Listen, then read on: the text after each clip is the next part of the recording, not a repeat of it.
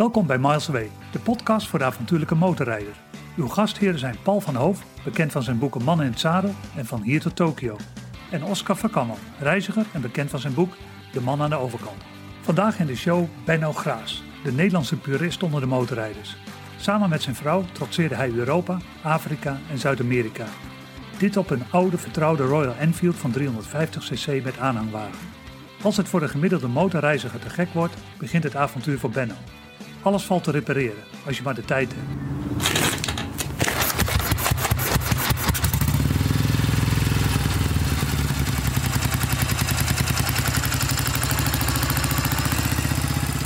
Benno Graas, welkom in de show. Benno, je bent, je, je, bent vrachtwagenmonteur. Je bent schrijver hè, met drie succesvolle boeken achter je naam. Je bent motorreiziger, je bent avonturier. Bij welke van deze disciplines voel jij je het meeste thuis? Ja, avonturier wel. Uh, ja, daar voel ik me wel het meest in thuis. Terwijl ik ook een heel prettig huisbeest kan wezen. Maar het een keer niet zonder het ander. En ik ervaar wel, als je op het moment dat je ja, weer een tijdje thuis zit en dan of je ziet iets of je leest iets en dan, oh, dan ontrolt zich wel een, een, eh, een energetische slang in je, in je onderste maag van oh man, wat een schoonheid. Of weer dat onbekende tegemoet, weet je. Dat, dus uh, ja, ik, ik uh, zie me wel, ik zie me sowieso niet als schrijver. En, ja, waarom niet? Je hebt, je, je hebt, drie boeken achter je naam staan. Het, uh, ja. het Aardebeest is toen de tijd verkozen tot, door de boekhandels als het beste reisboek van Nederland. Ja, dat was wel verrassend, want ik kon geen letters schrijven. Ik was eigenlijk een Neandertaler onder de, schra onder de letters. Maar ja, verrassend. Ja, waarschijnlijk, waarschijnlijk, heb je meer talent dan je zelf denkt. Ja, nou. maar uiteindelijk, ja, dat boek was ook een avontuur voor mij. Want ik was altijd best wel een heel verlegen iemand. En op een gegeven moment word je overal gevraagd om lezingen te geven. Ik denk, man, wat, wat moet ik hiermee? Maar, nee, maar het avontuur, ja, dat. En vooral met, met een motor, weet je, dat, dat overal dat wild kamperen op die onbekende plekken. Met dieren, met zonsopkomsten, zonsondergangen. Dus ja, dat is wel een beetje mijn uh, passie naast het gewone thuisbeest. En, en gewoon mijn buurtje en de vrienden, familie. En ik ben thuis ook altijd, uh, wat ik net ook al even zo zei, dat ik ook een ijszeiler had gemaakt, een grote ijszeiler. Ben ik een jaar mee bezig geweest. Plotseling ontstaat dat soort dingen. En dat is ook met zo'n reis. En dat is met zo'n boek.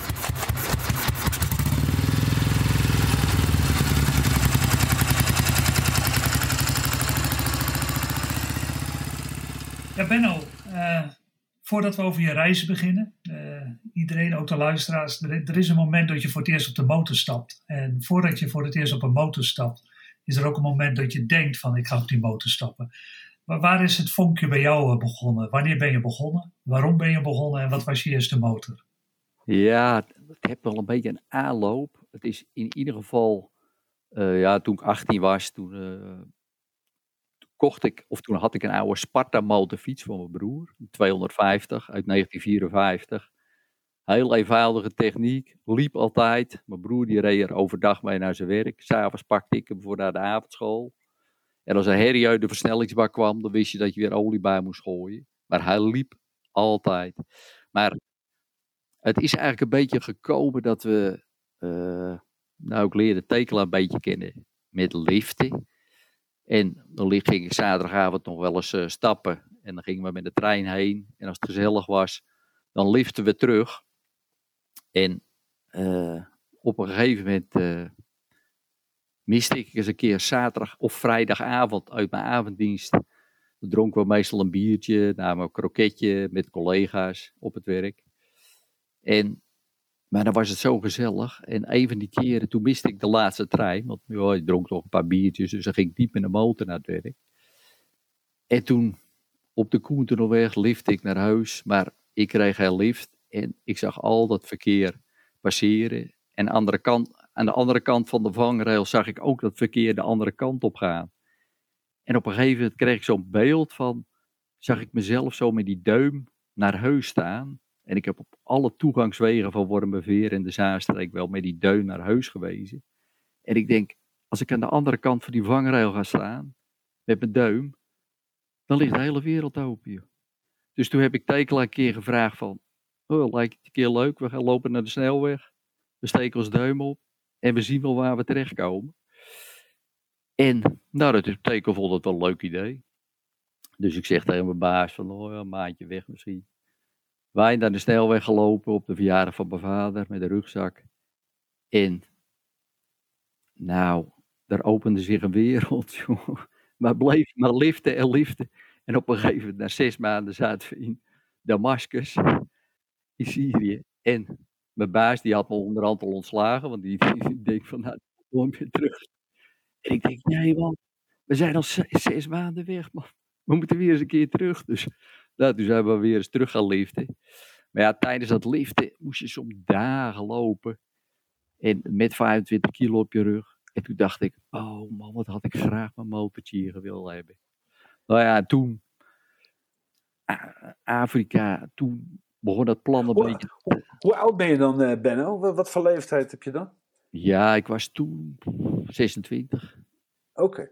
En uh, toen op een Maar voordat we over Afrika beginnen, Benno, want, want uh, je, je, neemt nu even hele grote stappen. Ja. ik, ik ken eigenlijk niemand anders die zegt, ik, ik ga vanuit mijn dorpje een eindje liften en die eindigt in Damascus. dus, dus dat, dat, dat is al een avontuur op zich. Dat vind ik fantastisch. Ja. Uh, en misschien dat het toen ook wat beter kon dan, dan nu, dat weet ik niet. Maar aan de andere kant was de wereld ook onbekender dan nu. Ja.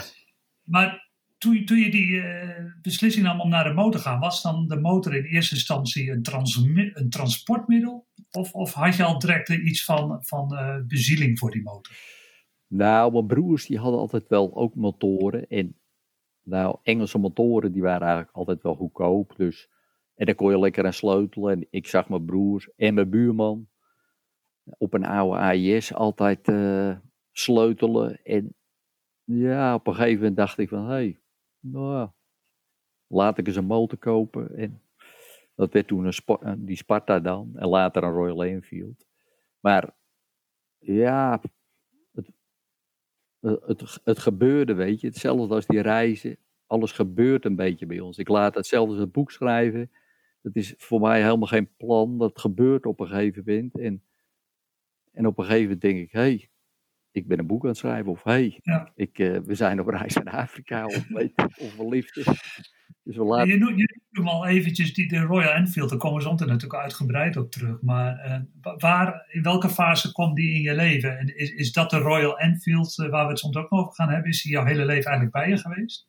Ja, nou, eerst had ik een oude, een 2,5 Enfield uit 54, 1954. En bij dat ding ging altijd stuk. En als ik naar de avondschool moet, onderweg weer of zonder licht, of ik kapte er weer mee. En toen hoorde ik van, hey, India maken ze reproductie Enfields. Uh, laat ik eens zo'n ding kopen. Is alles nieuw. Dus heb ik zo'n ding uh, nieuw gekocht, die 82. Nou, dat was één brok ellende.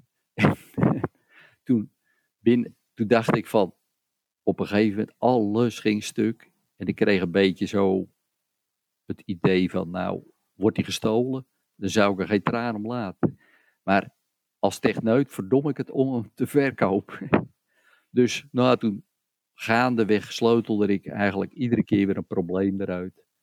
En uh, nou, op een gegeven moment uh, vertrouwde ik het wel. Ik denk, nou, ik kan nou wel eens een keer wat verder uh, buiten Europa. Met dezelfde motor?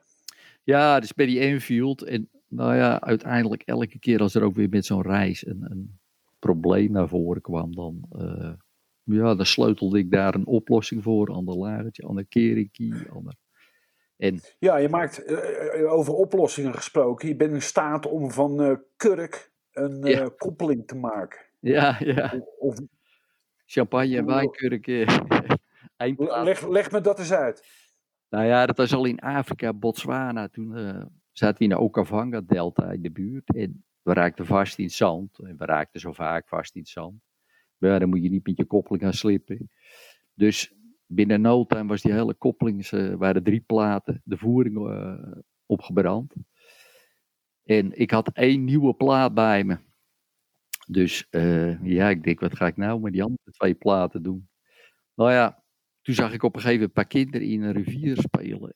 En dat bleek een kurkboom te wezen. Die sprongen steeds van een boom af, hup, die in het water dreef. En ik denk, kurk man, kurk. Nou ja, uiteindelijk, in de jaren twintig gebruikten ze kurk als koppelingsvoering. Dus wij naar de kroegie. De kroegbaas gevraagd, heb je nog champagne of wijnkurken? Nou, hij had een paar oude champagnekurken. Nou, een flesje wijn hadden we gekocht, had hij ook nog. Flesje wijn, meester gemaakt en had nog een extra uh, wijnkurk.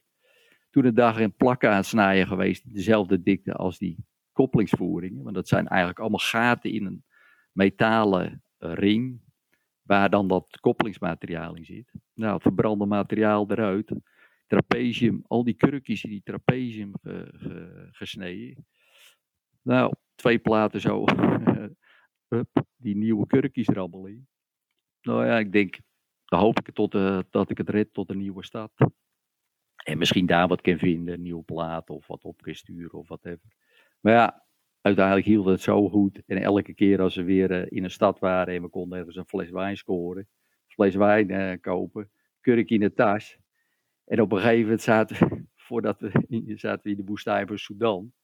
Nou, toen had ik inmiddels een, een tas met kurken waar uh, de motor met op bleef drijven. Dus, dus toen, nou ja, en uiteindelijk, nou, ik denk dat ik nou wel 3,5 ton verder ben. En uh, ik rijd nog steeds met één champagne en wijnkurken op Yes. Geweldig. Ja. geweldig. Dat is uh, Zen en de kunst van het motorhoud. Zen en de kunst van het motoronderhoud 2.0, uh, Benno. Ja, we kunnen wat van je leren. Dus je, nou, ja. je fel moeten drinken om je koppeling uh, op gang te houden. Ja, je moet wel een redelijke alcoholist wezen, wil je je koppeling overeind houden. Nou, ja, geweldig. Nou ja, zo zit die hele motor een beetje in elkaar. Wanneer begin jij je eerste Afrika-reis, uh, Benno? Het was 1990. Toen de, nou, ik, ik had dus een keer in een motorblad wat fotootjes gezien. En toen zag ik beelden echt van voorbij de Sahara. En dat was voor mij zo wereld.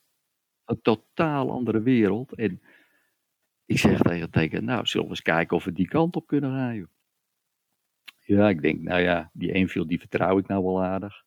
Dus, uh, nou, toen ben ik eerst eens uh, kijken, ja, hoeveel liter heb je nodig van brandstof extra? Nou, dat was 40 liter extra.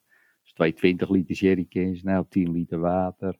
Zoveel bagage. Nou, toen motor even afgeladen. Toen ben ik hier bij Pont Buitenhuizen, daar heb je een zandvlakte. Nou, ik denk met een vriend achterop, want Tekelen die zit normaal achterop. Nou, dan gaan we gewoon even daar een beetje kijken hoe dat gaat in het zand. Nou, die vriend die had al een beetje zo zijn bedenkingen. dus, hup, wij met z'n tweeën, hij achterop. Nou ja, toen zo na 15 meter uh, door het zand toe lagen we. Net als tweeën met ons tanden in het zand. we gingen meteen op zijn kant. Nou, toen wilde ik wegrijden. Nou, dat lukte niet. Twee jerrycans eraf, lukte nog steeds niet. Want ik had aanhanger er natuurlijk ook achter. Hij zegt, nou, ik stap al even af. Nou, dat lukte nog steeds. Toen die aanhanger was. Nou, ik, ik, haal, ik haalde nog wat dingen aan van, nou, ik kan de band nog wat slapper laten. En in de woestijn heet je ander zand. En, uh, maar aan, de, aan het gezicht van die vriend van me, die, uh, nou, die schudde al een beetje zo van, je krijgt de zegen van mij, maar dit wordt niks. Maar nou ja, toen hebben we het toch een keer geprobeerd met teken. De, ik denk, nou, als het lied gaat, dan blijf in Algerije rond uh, tuffen. Maar uh, uiteindelijk ja, kwamen we door de Sahara heen, jongen.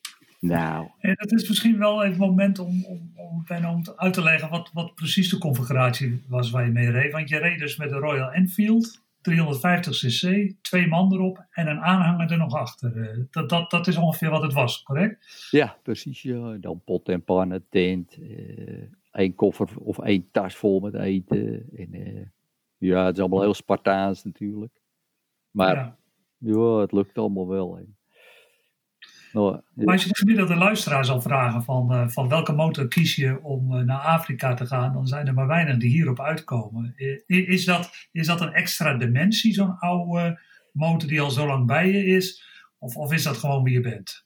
Ja, we hebben ontzettend veel lol met dat ding gehad, weet je. Eh, we zijn erop getrouwd op die Enfield. Eh ik ben daar, heb er haast al eens een dodelijk ongeluk, haast dodelijk ongeluk mee gehad. Omdat ik een dronken vent met 160 achterop zeilen. En nou, een beer heb hem wel eens op zijn kant getrokken. Eh, hij heeft op de Congo gevaren, op de Amazone, op de Nile. Op de... Nou, en we hebben zoveel lol met dat ding. En zit je in de bagger, dan gooi je die aanhanger los en dan duw je eerst die motor door de bagger en dan sleep je die aanhanger erachter. En met zand is dat ook weer in. Ja, wij zeggen altijd, als je de tijd neemt, dan kon je overal, weet je, tot bergpassen van, van 4.500 meter hoogte in de Andes. Of, of, nou ja, wat ik, zeg, wat ik al zei, door de Sahara. Maar Maar ik las ook regelmatig dat dan Tekla afstapt als er eh, een bergrugje aankwam.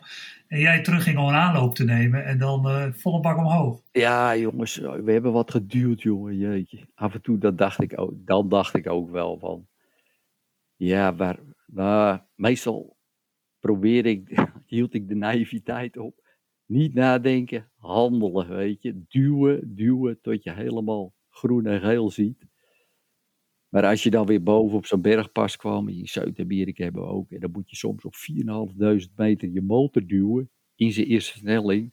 Daarba- Daarnaast met z'n tweeën, daar dan 50 meter verder, helemaal leeg, want je krijgt zelf ook geen zuurstof meer. En nou, zo verder, maar als je dan weer over zo'n pas bent en je krijgt zo een maagdelijk landschap, overweldigend, weet je. En dat, eh, ja, dat, maakt het elke keer wel, ben je dat gauw weer vergeten. Of als de motor stuk gaat, of, of, of, of, of ja. Maar het, het, het, antwoord op de vraag is eigenlijk natuurlijk gewoon dat de motor bij jullie tweeën hoort. En dat, dat het ondenkbaar is om een reis te maken zonder de motor. Ja, nou, we gaan ook wel eens met de rugzak gewoon weg hoor. Of eh, vorig jaar zijn we dan met de fiets eh, een tijdje weg geweest. Maar de motor, die Enfield, ja, daar hebben we zoveel lol van. En het is altijd wel een, op de koppelamp heb ik altijd een, eh een fopgezicht van een bril met een neus en een snor. En vaak met corrupte checkpost van politie of douanes. Werkt dat altijd heel lachwekkend. En er is de handen schudden en er lachen er altijd wel een paar. En je mag altijd meestal zo doorrijden, weet je. Nu we het toch over de uitrusting hebben, eh, is het misschien ook een goed moment om even te vertellen hoe, eh, hoe de zonneklep eh, op je helm terecht is gekomen, Benno. Ja, nou, regelmatig hadden we enorme. Nou, sowieso was het. als je hier naar het zuiden rijdt, heet je altijd de zon. Die schijnt toch altijd een beetje tussen je zonnebril door in je ogen. En, en ik dacht, nou, in het zuiden, als je aan de zuidkant van de Evenaar zit, heb je daar geen last van. Maar ja, je gaat natuurlijk naar de Evenaar. Dus op een gegeven moment toen, eh, ja, ik denk, ik wilde toch eigenlijk wel een zonnescherm hebben. Ja, hoe kon je aan een zonnescherm op een, eh, zo'n oude brikken helmpje waar ik wat tekela op had gevuld met schuimrubber in. Dus daar, toen heb ik uiteindelijk maar eh, van een plastic etensbord een stuk uitgeknipt. Gaten met mijn schroefdraaier boven de benzinebrander ingebrand. Een paar noppen van mijn motorjas afgebroken. En plop erop. En ja, dat was wel om een, nou met een etensbord bovenop je helm te zitten. Maar we hadden ook enorme regen in eh, Ethiopië en, en eh, Noord-Kenia. En nou, dat was perfect, want dan blijft je bril ook een beetje eh, schoon. En dan, eh, dan zie je, nou ja, nu een derde van de keulenberen die eh, je anders op je onderuit gaat. Ja, ja, ja. Tot, tot zover de, de dure Schubert helmen met ingebouwde intercom. Dit werkt ook gewoon dus. Hey Benno, de, een van de dingen die ik me altijd afvroeg is van... ja, met, met veel moeite krijg ik mijn vrouw mee voor een weekendje op de motor. Maar dan, dan moet ik wel een eh, luxe hotel in het vooruitzicht stellen. En dan, dan lukt het. Maar je hebt vanaf het begin eh, je, je vrouw meegekregen. En eh, volgens mij niet als passagier, maar echt als medereiziger. Wat, wat, wat is daar de truc? Niet alleen om het mee te krijgen, maar ook om het te laten werken met z'n tweeën, zulke lange ritten. Ja, nou ja, sowieso zeggen wij altijd, uh, voordat je een relatie begint, ga dan eerst eens een half jaar met elkaar zo een reis maken. Waarin je corrupte beambtes hebt, je motor stuk gaat, je krijgt ongelukken, uh, je wordt ziek, uh, je wordt bestolen. En nou, als je daarna nog kan zeggen, na al die ontberingen, ik hou van je, dan zeg ik altijd, dan heb je huwelijk redelijk al geslagen. Dus ik had mijn vrouw net zo goed na de eerste reis kwijt kunnen raken. maar uh, nee, ja, we genieten zo intens van die landschappen, jongen. En, en, en. Nou, Paul, dat weet jij ook, Zuid-Amerika, dat is zo een summum van land, bijzondere landschappen, die kon je nergens op de wereld tegen. En dat, ja, dat, de zonsopkomsten, de zonsondergangen, de stiltes, uh, de, de mensen die je ontmoet, de dieren. Elke dag, elke dag. Je hebt zo'n intense beleving van leven, weet je. Dat is echt, uh, al je sensoren staan open en ja, dat is fabelachtig. Uh. Ja, zij voelt dan hetzelfde als jij, Benno. Ja, ze beleeft het op een andere manier. Maar we hoeven soms elkaar maar aan te kijken en even te glimlachen. En ja, zie je het ook. En, en wat is die andere manier, Benno?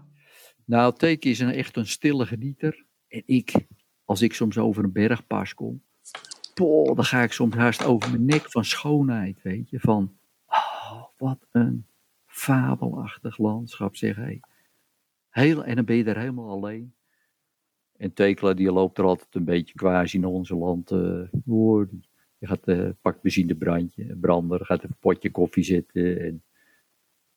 Dus die blijft er vrij rustig onder. Maar uh, ja, in het communiceren met elkaar of een oogwenk. Als je zoveel jaren, zoveel reizen met elkaar maakt, dan we praten steeds minder met elkaar. Maar, maar je begrijpt elkaar steeds beter. Ja, precies, ja. Dus, ja, fantastisch. Ja. Maar vecht je elkaar nooit de tent uit? Nou, er is af en toe wel eens, uh, nou niet vechten hoor, dat, uh, maar ja, soms heb je wel eens, uh, dat, je, dat je Afrika hebben dan wel eens een keer gehad. Dat, en dan kreeg ik ook de diksel op mijn neus. Dat Tekela wilde dan bijvoorbeeld bij politiepost gaan slapen, dat het toch even veiliger is. En ik denk, geen gelul met politie, we duiken hier de bush in, en heet je niks met mensen te maken. Ja, toen bleek, dus ja, dan heet je, hadden we flinke woorden. En uiteindelijk ging Tekel in stilte de tent in. En nou, dat was in de woestijn. En dan werd het s'nachts, uh, als de zon weg is, is het meteen vrij koel in de woestijn. Dus je hoort ook geen krekels meer, geen vogels. En toen, daarna dat ik een half uur later de tent die ging zonder een woord te zeggen, Tekelen heb toen die hele nacht als een roos geslapen. En toen de hele nacht heb er een olifant uh, rond de tent zitten nou, stieren. Nou, daar kreeg ik er met de hartverzakking van, van, van. Het leek wel echt van, sukkel, als je nou niet luistert. Nou, het leek wel of die olifant het gehoord. Dan zal ik je even de stuip op het lijf Ja, ik moet dus proberen, ik moet mijn lach inhouden. Nou, uh, maar uh, Tekla had gelijk dus. Ja, jongen, het bleek een trek van olifanten te wezen. ik dacht, oh, is een mooi paadje waar ik mooi met de boter even doorheen kan. God, jongen. En dan, dan, was het af en toe doodstil. Dan deed ik mijn, slaap, mijn hoofd weer even uit de slaapzak. En dan was het... Nou, jongen, er stond het beest op een meter naast de tent. Nou, ik kreeg weer de hartverknettering. En tekela slapen. En teek, die hebt geen... En ik had een pijn in mijn hart me knaart de volgende dag, joh. Want ik, uh, ik heb geen oog dicht gezaan. En dat mijn hart het nog overleeft. Jezus, verschrikkelijk. Dus ik had een, uh, een koppeltje Chateau Migraine de volgende Ja, prachtig. Wanneer besluit je om je eerste Afrika-reis te maken, Benno? Ja, dat was na 89 was dat. Uh, en, en wat ik zei van, van zo en zo ik had nooit verwacht dat we de Sahara door zouden komen. Maar ja, op een gegeven moment. Kijk, als je, als je wat jong bent, dan ben je vrij naïef. En zie je weinig gevaren. En, en eh, ja, dan, dan doe je gewoon maar dingen, weet je. en, en nou ja, het gebeurde ook allemaal maar. eh, en, en, en het rolde steeds meer, man. We, kwamen, waren door de Sahara heen. Dachten we, jeetje man, we weten helemaal niks van Afrika voor de rest. Van welke kant gaan we op? Nou ja, nou laten we die kant maar een beetje richting eh Ivoorkust gaan. Of eh, helemaal geen gidsen of whatever. En, en het gebeurde allemaal en uiteindelijk, jongen, we bleven maar doorgaan. En die Enfield bleef maar lopen door de regenwouden van Congo. Week op de Congo gevaren met krokodillen, apen, antilopen en, en man, man, het was en, en ja, overweldigend gewoon, eh, maar net wat ik zeg van, ja, we besluiten meestal niet zo, het, het, het, het gebeurt allemaal een beetje. Maar is dat niet de essentie van eh, de manier van reizen zoals jij dat doet, eh, Benno? Dat je het allemaal maar laat gebeuren?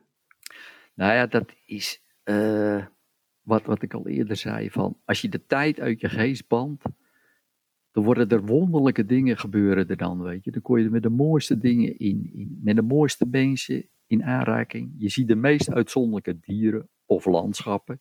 Want ja, wij lieten ons altijd maar van, nou, dan hoorden we van eh, locals, oh, daar zijn rotstekingen die kant op. Oh, dan gingen we die kant op.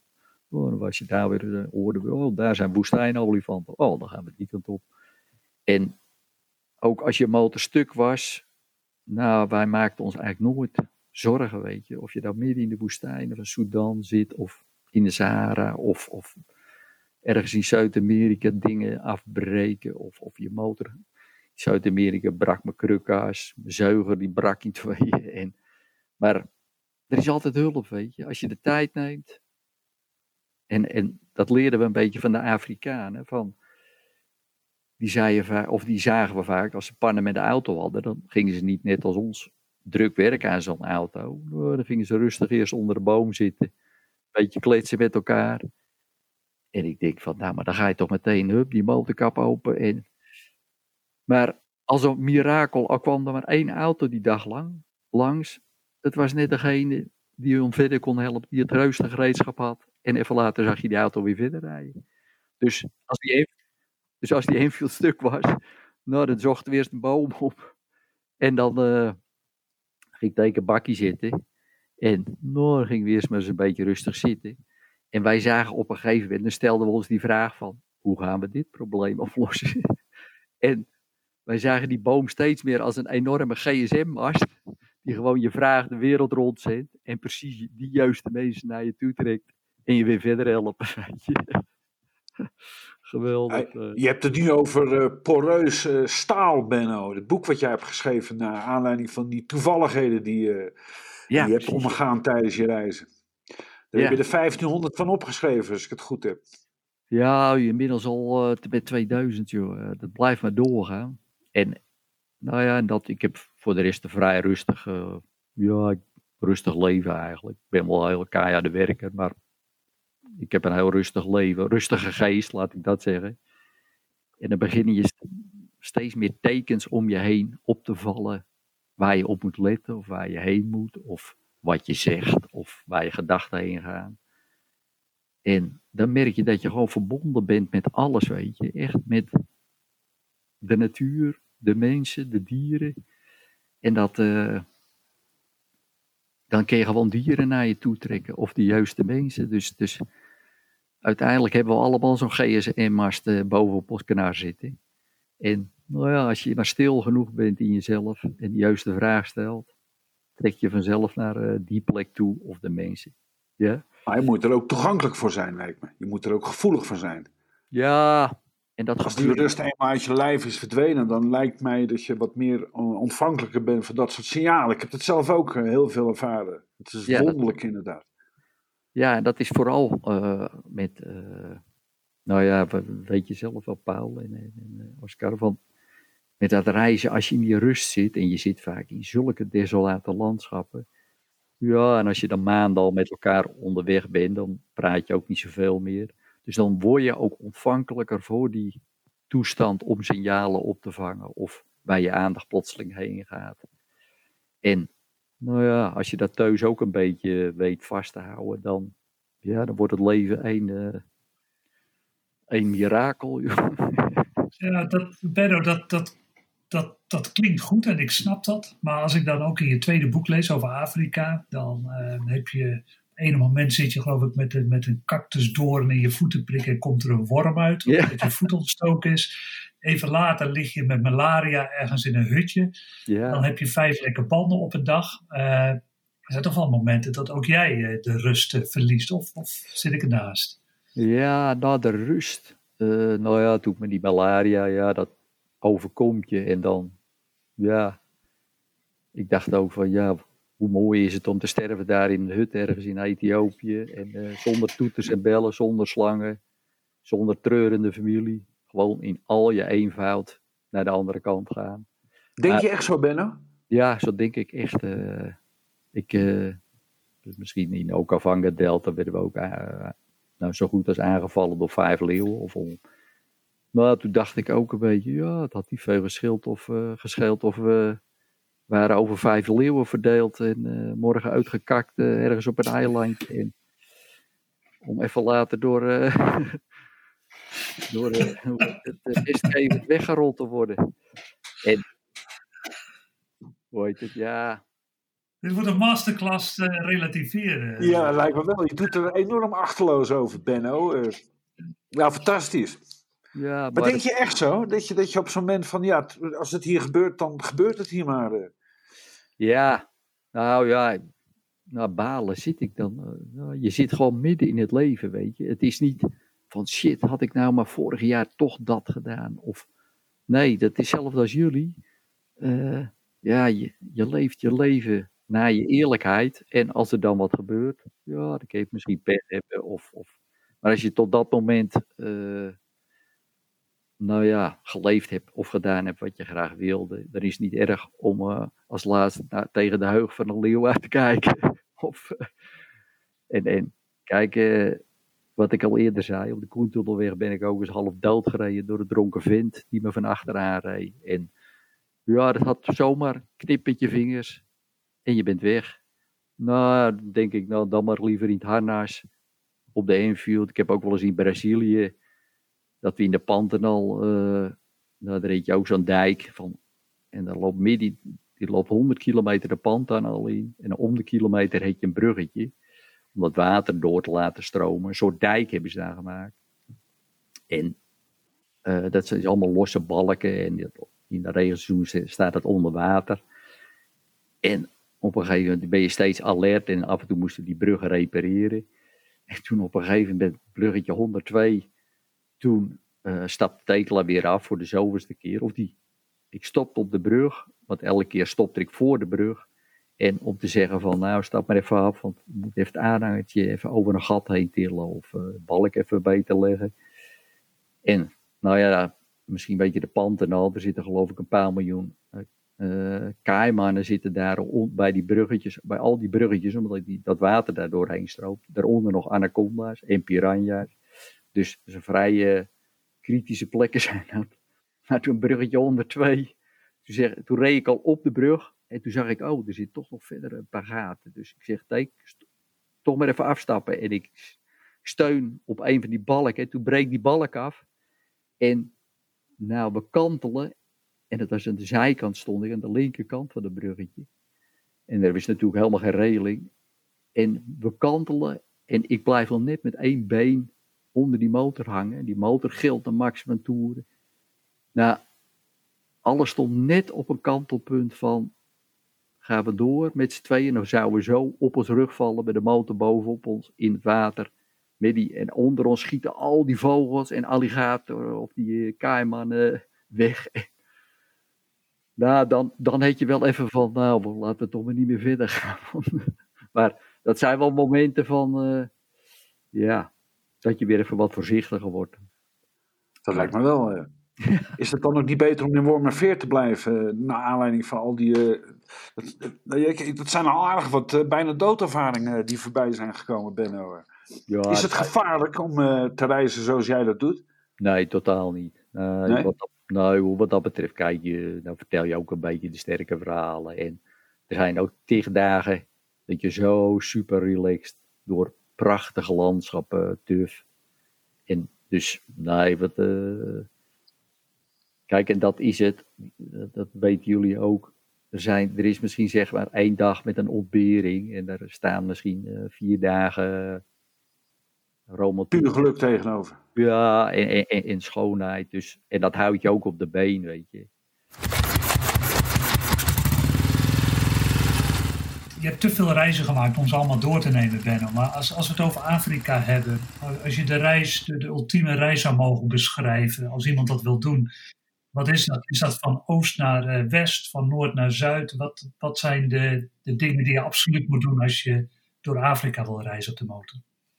Nou, eh, zonder enig plan eigenlijk. Dat, geen plan is eigenlijk een van de beste. Ja, Afrika is zo onvoorspelbaar qua klimaat, qua rampen, qua burgeroorlog, qua epidemieën of whatever. En uh, dus het beste is als je naar Afrika gaat zonder enig plan. Een vaag plan. Die laatste reis door Afrika, toen hadden we ook, Tekelen wilde graag Namibië zien. En ik Ethiopië. Nou ja, we lieten de rest maar een beetje gebeuren. En op een gegeven moment waren we helemaal niet van plan naar huis te rijden. Ja, toen lukte het zelfs nog om door uh, de woestijnen van Sudan te komen. was de burgeroorlog was net gestopt. Dus, dus ja, ook dat laat. De belangrijkste voorbereiding is dan eigenlijk gewoon uh, die, die tijd reserveren. Uh, wat je eerder in dit gesprek zei, hè? Ja, uit de tijd uit je geest bannen. En ja, zo, de, die Enfield sloop ik wel voor zo'n reis altijd helemaal even uit elkaar hoor. Laat ik heel op snelheidsbak, laat ik alles even door mijn handen gaan. Voorvork, wielen, uh, motorblok, nieuwe zuigerveertjes, klepjes even kijken. Hier en daar een nieuw keringetje, een nieuw lagertje. En dus uh, ik ga dan wel met uh, redelijk vertrouwen met dat ding weg. maar ja, nee, wat ik zei, Paul, jij weet ook Zuid-Amerika. Dan zit je soms van zee, de hele dag in, de eerste versnelling van zeeniveau naar, naar 5000 meter hoogte. Over dirt roads. En, dus dan staat hij daar te hakken. En, en uh, ja, dan gaat er gewoon dingen kapot. En, en, en toen die Zuid-Amerika na twee weken draai, brak de krukas al. Hoe los je dat op? Hoe los je zoiets op? Voor mij is het uh, dan over hoor, zo'n reis. Nou, maar jij hebt, volgens mij heb jij iets van, hey, fijn, mijn krukkers is naar de. Laten we die eens even opknappen. Kijk, als het na een paar maanden gebeurt, nou, dan heb ik dan wel iets van, nou, maar toen was het al na twee weken. We zaten in Patagonië, nou, Peninsula Valdez. Nou, voor God en iedereen verlaten. Nou, toen kreeg ik wel even een beetje eh, pijn in mijn kont. van, ik, oh god. En hoe los je dat op, Benno? Nou, toen uiteindelijk toen wist ik toch de motor nog draaiend te houden. En uh, naar een plaatsje toe, Puerto Madryn, stond ik bij een tankstation en ik denk, laat ik in ieder geval mijn tank vol gooien. Stonden, uh, vroegen we ons ook weer, was ook weer zo'n vraag van, ja, waar gaan we dit? Gaan we die motor uit elkaar halen? En uh, nou, toen, kwam nog iemand tanken bij dat tankstationnetje, een heel klein tankstationnetje. En die oh, leuke motor, in Spaans, ik konden geen woord Spaans, maar zo in gebaren. En uh, hij zegt, nou, ik ben net om, uh, op weg naar een vriend met een garage. Dus nou, hij zegt, volg me maar. Dus nou, wij hem volgen. Ja, dat was gewoon een openluchtgarage. dus, en met windkracht 6 continu, één stofstorm. We hebben twee weken daarbij bij de overburen op het beton geslapen buiten. en nou ja, toen hebben we een onderdeel uiteindelijk op moeten laten sturen van de krukkas. De krukpen was gebroken. Dus precies in het midden. Dus uh, nou ja, toen leerden we eigenlijk weer Spaans bij die mensen. En uh, de Argentijnse gebruiken. Nou, we hebben er jarenlang hebben nog kaarten naar over en weer gestuurd, joh. Gouden gasten. Dus, ja, je maakt overal een, uh, van, de nood, van de nood een deugd. Ja, precies. En, dat, en dan uiteindelijk kon je in de mooiste situaties, joh. Ik heb al in Cameroen gehad dat de as van de aanhanger brak, brak van, van, midden in het regenwoud. En op een gegeven moment ook, ja, wat moet je nou? Dus toen wilden we eigenlijk, was het 180 kilometer naar het eerste plaatsje. Dus toen wilden we die aanhanger achter op de motor zetten. Nou ja, dat was eigenlijk onmogelijk, weet je. Maar toch maar proberen. Maar toen kwam er net een half naakte Afrikaan uit de boes. En nou, die, die zwaaide een beetje zo van, eh, kom maar. Ja, ik zeg hier, ik bezem een beetje, maar ik zeg, loop dan mee, jongen. Ja, ik zeg, die man begrijpt dat niet, jongen, moet gelast worden, dit en dat. Nou ja, ik loop toch maar even mee. 50 meter verder lopen we de boes in. Generator, lasapparaat, slijptol. Ongelooflijk. Ongelooflijk. En dat was ook precies hetzelfde in Sudan. Toen brak de dissel van de aanhanger. Nou, toen met palmtakken vastgezet, shortbanden. Ja, 100 meter verder brak dat weer en aanhanger weer over de kop. En toen was er ook, plotseling stond er een man met twee zoontjes in zijn jallebaas, een uh, Soedanees naast ons, midden in de woestijn. En, nou, die gaf te kennen van volgen maar. Ja, ik denk, nou, ik weet, ik weet niet of je het begrijpt, maar. Dus alles weer even met takken aan elkaar gebonden. En teken liep met die man mee. En ik heel voorzichtig rijden. Nou, toen ook eerst eten bij die man. Ik zeg, nee man, ik wil hem repareren. Nou, eerst eten. Nou, eerst eten. Nou, toen was de rust een beetje in mij ook uh, getemperd. En nou, toen liep ik weer mee. Wat zandpaadjes tussen leme muurtjes. En plotseling uh, poort open. Lasapparaat, generator, sluit. Opgesteld. Geweldig. Ja, dan weet je waarom je reis lijkt me. Dan, dan Ja. je voelt eh, tot, tot aan je kleine linkerteen dat je leeft. Ach joh, en, en s'avonds Tekela ging meteen met zijn vrouw hup, naar een Soedanese trouwerij. En ik ging met hem naar de Nijl toe. En dan zaten daar op zo'n aardeballetje. Nou, ik rook normaal wel een sigaartje wel eens, maar oh, roken. Zaten we met hem een sigaretje roken. En zaten we daar al. De motor was gerepareerd. En hij zegt, oh, je mag zo lang blijven als je wil. En dan zie je daar in die zwoele, zwoele avondlucht. Dat langstrekkende water van de Nijl. Alleen maar palmbomen achter je. Jee, man, dat fabelachtig. Gewoon dat, dat, ja, dat, eh, dat maakt je zo gelukkig. Ja, ik, ik voel. Benno, je vertelde me, de- je schreef me dat je. Eh, maart ben je vertrokken voor een reis naar Mongolië en, eh, en Siberië. Ja. Eh, je, bent, ja, je, je, je bent er niet gekomen. Nee, we hadden vorig jaar waren we op de fiets, waren we op een gegeven moment zomaar op de fiets naar Berlijn gegaan. En, en toen kregen we dat gevoel weer, weet je, van oh, overal wild kamperen in Duitsland. En toen dachten we, oh man, we moeten weer weg, jongen. Dit is weer zo mooi. Dus, nou ja, ik wilde nog steeds wel een keer via de zijderoute zo eh, richting Mongolië. En, nou ja, daarna zouden we gewoon wel zien. Maar ik wilde eigenlijk de tijgers, de Amur-tijgers zien. En eh, in Oost-Siberië. En eh, dus nou, denk ik, nou, laten we dat dan doen. Dus nou ja, alles weer een beetje geprepareerd. Enfield weer uit elkaar gehaald. Aanhangertje opgelapt. Alle twee ontslag genomen. En we denken, nou gaan we een beetje vroeg weg, maart. En we wisten niet welke route. Of we via Turkije, Georgië, Rusland, Kazachstan. En dan de zijderoute oppakken. Of via de Oekraïne of dit Rusland. Maar eh, ja, vier- na vier dagen, we waren vier dagen onderweg. En toen kwamen we bij de Poolse grens. Want we rijden natuurlijk alleen maar binnen doorweggetjes. We gaan niet harder dan 60 km per uur. En eh, toen was de grens net dicht. Nou, wij dachten wel, nou, grens dicht, dat zal niet lang duren. Dus, nou ja, in de bos gekampeerd van eh, Oost-Duitsland. Maar ja, toen zaten we er al anderhalve week en die grens nog steeds potdicht. Maar ik ging meteen, toen hoorden we van iemand, ja, er is ook nog een loopbruggetje over, ergens over een rivier. En daar heb je misschien kans dat je net met je motor en je aanhangertje overheen komt. En dat weten een hoop mensen niet. Dus daar zal ook geen politie of militairen staan. Nou, ik zeg tegen tegen, ik ga morgenochtend eerst lopend die kant op. Dat is 9 kilometer lopen door de, door de bossen. Ik zeg, wat een patrouilleren overal politie. En na, na 20 minuten stuit ik al op een wolf, joh. Stond ik oog in oog met een wolf. Geweldig, joh. Geweldig zeg. Geweldig. Nou, ja, er zit ook een verhaal. Want dan- uiteindelijk wilden we via Roemenië gaan. Heb je de Karpaten ken je daar met een gids. Had ik ergens ooit eens gelezen. De gids de berg in op zoek naar wolven. En al die reizen die we gemaakt hebben, hebben we nog nooit wolf in het wild gezien. Dus ik had al met die man contact gezocht om of, of dat nog steeds van toepassing eh, mogelijk was. Nou, dat bleek wel. En nou zagen we in Duitsland meteen eh, die wolf, jongen. Dus, nou, ik was extatisch. En ik kon er nog een paar foto's ook. Ik had gelukkig een fotostel bij me. Dus ik kon een paar foto's van het beest maken.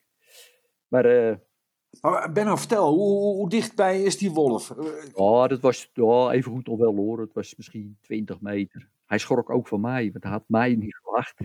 Hij was alleen. En we keken elkaar aan. En toen liep hij weer verder. Toen stopte hij weer, keek hij weer naar me. En nou, zo drie keer, jongen. Ja, echt. En, Maar hey, ja, Benno, heel even, en voor een gewoon mens, eh, ik, ik denk dat hij het ter plekke aan een harteval overlijdt als je zo'n beest ziet. Eh, in Nederland hebben we een paar rondlopen, mensen zijn er bang voor. Maar jij gaat gewoon uit je plaat, omdat, eh, omdat je de schoonheid van een wolf kunt zien. Ja, ja, ik. Ja, wolf zie ik als er, als er een hele roedel was. Nou, dan had ik misschien wel even in een, een dichtstbijzijnde boom gezocht. Maar, maar één wolf, nou, die doet niet zoveel. Ik heb ook wel eens een keer in, de Verenigde Staten dat er een beer de motor op zijn kant trok en met zijn klauw door het tentdoek kwam. Dus eh, toen waren we wel vrij bang. In Duitsland mag je ook in het wild kamperen. Dus na anderhalve week gingen we toch wat verder de bossen in. En nou ja, er was een riviertje, maar min 10 s'nachts nog, jongen. En sneeuwbuien. Dus we stierven het af in die tent. Met de watersjerrycan, die sliepen we tussen ons in om tegen de vriezen. Nou, ik heb romantischere nachten gehad. maar, eh, hoe heet het? Uiteindelijk zaten we weer een paar weken daar in de bossen. En toen werden we weggestuurd door een boswachter. Ja, ik zeg, zeg maar waar wij moeten. Ik zeg, de grenzen zijn dicht. We hebben ons huis verhuurd. Eh, alle Ontslag genomen? ontslag genomen. Alle campings zijn gesloten. Alle simmers zijn gesloten. Ja, toen was het even stil. Nou, toen hij bellen. Nou, hij zegt, pak je spullen op. En want al houthakkers waren, hadden al voor ons tafels gemaakt. Weet je, daar kregen we al een borst van. Die, die schrokken hun eigen rond dat we daar midden in de borsten zomaar... Ja, want hoe lang zaten jullie er inmiddels al? Ja, op drie, drieënhalve week zo'n beetje. Te wachten om over die grens te kunnen. Sterfskoud en water steeds uit het riviertje. Maar, eh, hoe heet het? En, nou, toen spullen opgepakt en moesten we hem volgen. Ik denk, nou, of we gaan naar het politiebureau, of ik, nou, ik weet niet, of hij brengt ons naar de grens, ik weet het niet. En op een gegeven moment steeds hoger de berg in. En toen bracht hij ons naar een oude jachthut van jagers. Hij was lid van een jachtgroep. En hij zegt, eh, hier ligt het hout, hier is een hout gestoken voor neus, hier is wat water, er liggen eh, vier bedjes, kun je slapen. Hij zegt, blijf hier voorlopig maar even. Hier heb je de sleutel. Nou jongen, hij ging weg en wij keken elkaar aan. Prachtig uitzicht over die valleien. Nou, uiteindelijk, groot verhaal, hebben we drie weken in die jachthut gezeten, jongen. Nou, al even geweldig. Midden in de bossen. Nou ja, toen moesten we uiteindelijk toch wel weer vertrekken. Want ja, ze zagen ze ook wel dat corona, dat gaat veel langer duren. Nou ja, Ja, toen maar de we- reden dat je niet kon, de reden dat je niet kon, was inderdaad eh, omdat de, de pandemie was eh, uitgebroken. Wist Ja. je dat? Ja, nou, toen we hadden een pingelenponkie mee. Een, eh, een, eh, Wat is dat? Een, te- een tekenlijp een mobieltje. Ik heb zelf geen mobiel. Oké. Oh, Maar je wat- hebt niet eens een mobiel. We hadden een zonnepaneeltje. Dus dan hadden we toch nog een beetje af en toe een berichtje van, eh, van de buitenwereld, van thuis. Maar, nou ja, toen, na die jachten, toen zijn we weer door de bossen gaan zwerven. En op een gegeven moment kwamen we in een plaatsje. Toen werd het allemaal iets vrijer. En toen zegt er iemand, hey, twintig jaar geleden is hier iemand, eh, die is naar India gevlogen. Die heeft een Enfield diesel gekocht. En die is er twintig jaar geleden mee via Teheran naar uh, Neustrelitz gereden. Dus ik zeg tegen nou dat zou toch leuk wezen als we die gozer zouden kunnen vinden. We hebben toch geen donder doen, we zitten toch maar te wachten. Maar ja, twintig jaar geleden, misschien uh, woont die man wel heel ergens anders. Of we hebben ook die gevraagd waar hij woonde. En op een gegeven moment gingen we daar, nou ja, door de bossen aan het lopen. We wilden niet zo min mogelijk met de motor, dan viel het op. En plotseling zien we midden in de bossen, zien we die Enfield staan. Ik zeg, kruid nou wat. Wij roepen. Nou, toen kwam die man die denkt, nou, wat, uh, wat voor heikenuiters zijn dat? Want wij liepen daar ook. Ik zeg, zus en zo, we zijn hier ook op een Enfield en we zijn op weg naar Mongolië. En, oh, hij zegt, nou, hij zegt, ik ben hier nou met een vriend, maar hij zegt, uh, waar slapen jullie nou? Oh, ik zeg, ja, daar verderop in de bossen. Oh, hij zegt, nou, ik woon ook met mijn vrouw en mijn vier kinderen midden in de bossen. Hij zegt, heb ik nog een oude blokhut? Uh, mag je zo in? Hij zegt, je mag ook je tent opzetten. Je mag zo lang blijven als je wil. Nou, toen zijn we daarheen gegaan. Nou, jongen, ook weer zo'n mooie plek. Ja, ja. Allemaal beertjes. Nou, geweldig. Ik begin langzamerhand te snappen hoe dat boek eh, van voorbeelden van toevalligheden eh, zich aan het vullen eh, is, Benno. Ja, je rolt van het ene avontuur in het andere jij. Maar Benno, je schreef me wel. Je bent daarna nog naar de Baltische Staten gegaan. Want het was duidelijk dat je niet de Mongolië zou geraken. Je bent naar Finland geweest, dan weet ik het allemaal. Ja, En dan schrijf je mij, ja, maar ja, het was het toch niet helemaal. Het was het avontuur niet. Het, het was niet eh, exotisch genoeg. nou, Wanneer is van jou een reis exotisch genoeg? Want dit, wat jij nu vertelt, ja, voor de gemiddelde motorreizer, ja, dat zijn al zoveel avonturen, dat maken ze een hele leven niet eens mee. En jij gewoon een tijdsbestek van een paar dagen, een paar weken, zeg maar. Maar wanneer, Ja. is, dat, wanneer is een reis avontuurlijk voor jou en wanneer is die exotisch? nou ja, vooral, dat weten jullie ook. Jullie hebben zoals in Centraal-Azië en Zuid-Amerika en, en, nou ja, jij, eh, Rusland. Als het echt het onbekende, het rare, het ongewone, weet je, dat echt die Europese norm van zekerheid, die, dat niets meer zekerheid, zeker is, weet je. Nou, dat weten jullie allebei van. eh, je weet morgen niet waar je slaapt, wie je tegenkomt, wat voor landschappen, of je nog op benzine kan vinden, of je eten kan vinden, wat voor dieren je tegenkomt, hoe de, hoe de weg is. Is er überhaupt al een weg? Of en, en, kun je Ja, ja. die vinden? En ja, dat geeft een bepaald spanningsveld in je. En je bent dan echt een halve ontdekkingsreiziger. Ook al eh, ga je ook door bewoonde gedeeltes hoor. Maar ja, ik vind dat lekkere onhandige van het reizen. Dat geeft wel een extra dimensie van, eh, ja, van leven. Weet je? Intensiteit van leven. En dat, nou, dat kennen jullie. Ja, tuurlijk, tuurlijk. Ik, maar ik hang ook aan je top, lippen. ja. Dus, Dus eh, ja, en Scandinavië. En niet dat ik onveilige gebieden zoek of zo. Maar het was allemaal zo veilig. We hebben hoofdzakelijk wild gekampeerd in Finland, Baltische Staten, Noorwegen, de Noord, die, al die fjorden en zo. En het is allemaal zo veilig. Dus alleen, dat is misschien wel grappig, één keer. Dacht, zelfs in Duitsland. Ik, ik heb altijd een bepaalde men- ongelukkige manier dat ik ook dieren naar me toe trek. dat blijkt. Op een gegeven moment in Duitsland. Toen konden we geen plek voor de tent vinden. En, eh, en dat was een beetje toeristische gebieden. Mecklenburger Seenplateau. Er zijn al duizenden meertjes daar ook. Vrij onbekend, voor mij in ieder geval was het. Dus op een gegeven moment dachten we, we zetten geen tent op. We zitten een beetje, we gaan gewoon achter de struik ergens slapen. Rollen de slaapzak uit, muskietennet over ons heen. Stok onder bagagedrager waar de, waar de muskietennet aan kan hangen. Prachtig grasveldje ervoor. En we gaan slapen. En doodse stilte s'avonds. En nou, ik moet er s'nachts uit om te piezen. Dus ik ga buiten de slaapzak, ga onder het muskietennet vandaan. Ik loop vijf meter het veld in. En ik, eh, ik sta zo te wateren in onderbroek en een beetje naar de sterren te kijken. En wop, duikt er een uil op. Op 30 centimeter voor mijn snikkel. En dat vleugels waait uit. Ik schrok me kapot. Ik hoorde het niet aankomen.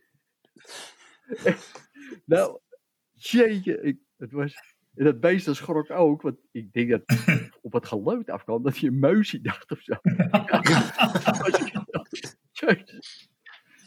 Ik zeg, wat heet jij nou? Ik zeg, een uil die dook op mijn Jee, Nou ja, dus dat kan ook in Duitsland gebeuren. Ja, ik wou net zeggen, je hoeft helemaal niet naar Afrika te gaan, Benno. Je trekt het overal aan. Oh, jongen, dat- ja. Dus met dat, en met dieren, jongen, ik heb inktvissen aan mijn benen gehad. Een rat een keer die in mijn neus beet. Dus een kameel die een, een knie in de buik gaf, dat ik haar stikte. Een eekhoorns die op mijn kop sprongen.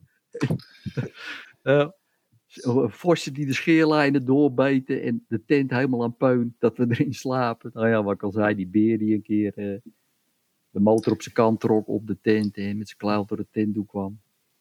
Dus eh, Ja, dat is, dat is nou de derde keer dat je hem noemt, eh, Benno. We moeten toch echt even dat verhaal horen van die beer. eh. Kom maar op. Ja, want ik moet zeggen, Benno, Benno ik, ik, toen ik in Alaska stond, ik voelde mij als een zwemmer die weet dat er haaien in de buurt zijn.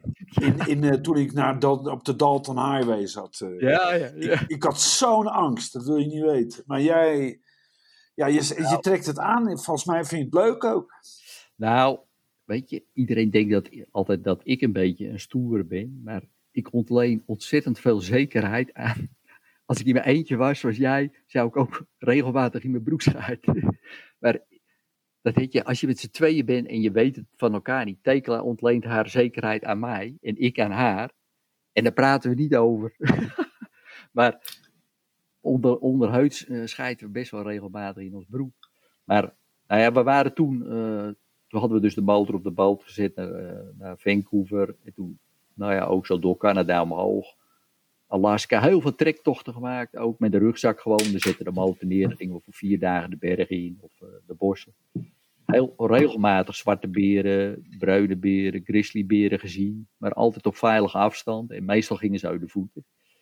En, maar je bent er toch altijd wel alert op. En, en ja, eh, en je, rugzak en een touw aan een boom, eh, 50 meter verder eh, tegen de beren. Maar dus, en op een gegeven moment, nou dat hadden we allemaal gehad, ook weer naar Alaska, anderhalve maand Alaska, Canada weer. We kwamen in de Verenigde Staten.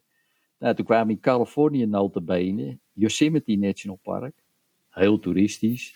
Eh, nou, dan hadden ze nog net een plekje ook aan de rand van de camping.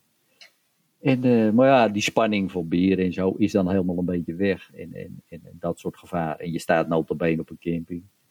En nou, de motor had ik naast eh, de tent staan. En had ik een klein elektrodraadje van de accu voor een klein lampje in de tent. En je hebt er van die voetlokkers op die campingplekken. Waar je normaal, van, dat zijn metalen kisten die verankerd in de grond zitten. Daar kun je je eten in stoppen. Ja, ik had al mijn koffers. Dus ik denk, ja, wat maakt nou uit of ze daar of daar. En nou, die beren, hoop toeristen hier ook. En Tekelen maakt me s'nachts wakker. Ik zeg, Ben, zit een of ander beest bij de motor? Nou, ik zeg, dat zal wel even een hond op een camping, iemand van de camping of zo. Ja, toen hoorde ik echt nagels over het aluminium gaan. Nou, ik denk, toch maar even kijken. Dus ik pak mijn bril uit, het zijvakje, even condens van mijn glazen af. Op mijn knieën kijk ik even zo door het kleine muskietengaasje. Naar de motor zo. Op één meter keek ik tegen de dij van een beer. Wat is het? Wat zegt hij? Dekelen zegt, wat is het? Zeg, het is een beer. En dat, dat werd steeds wilder. En Teek zegt, help een beer, help een beer. En nou, dat beest werd steeds wilder. Hup, trok hij de motor op zijn kant, viel op de tent. Nou, toen zaten we helemaal in het hoekje. En normaal als we wild kamperen had ik altijd wel een groot mes bij me. Voor een beetje veilig gevoel. En, maar ja, we zaten nou op een camping. En, nou, dus ik pak mijn MacLight. Dus, en toen kwamen er al andere toeristen die werden wakker. En ze, keep shouting, keep shouting. En ik met de MacLight uh, op de tentdoek scheiden. Ik denk, misschien schrik. En, en waarschijnlijk stond hij gewoon op de tent hoor. Zien we zo die klauw door de tentdoek. Hup, vijf halen door de tent. Nou, we gilden het uit, jongen. Nou, daar heb je echt wel een trauma van overgehouden, weet je. En nou, toen gelukkig, andere toeristen begonnen met pannen te hengsten. En toen rende die beer weg. Nou joh, die halve camping kwam kijken naar die tent. En die vijf halen door de tent. Maar ja, daar zijn we wel echt anderhalve maand een beetje, een beetje onwezenlijk rondgelopen. En de volgende dag, nou ja, er kwamen ook allemaal mensen nog kijken naar die tent. En mensen die naast ons stonden, die zeiden, man, elk jaar staan we hier twee weken op die camping. En we hebben in de, maken we trektocht, we hebben nog nooit beren gezien. dus, en dat was in die leeuwen precies hetzelfde in de Okavango Delta. En nou jongen, met dieren, dat, en dat was ook weer, die wolf ook, weet je. Ik, ja, het, het was weer zo, wat later ook die wolf in Duitsland. Ik dacht ook van nou, het bulkje van de wolven, dus die zou je wel vaker zien.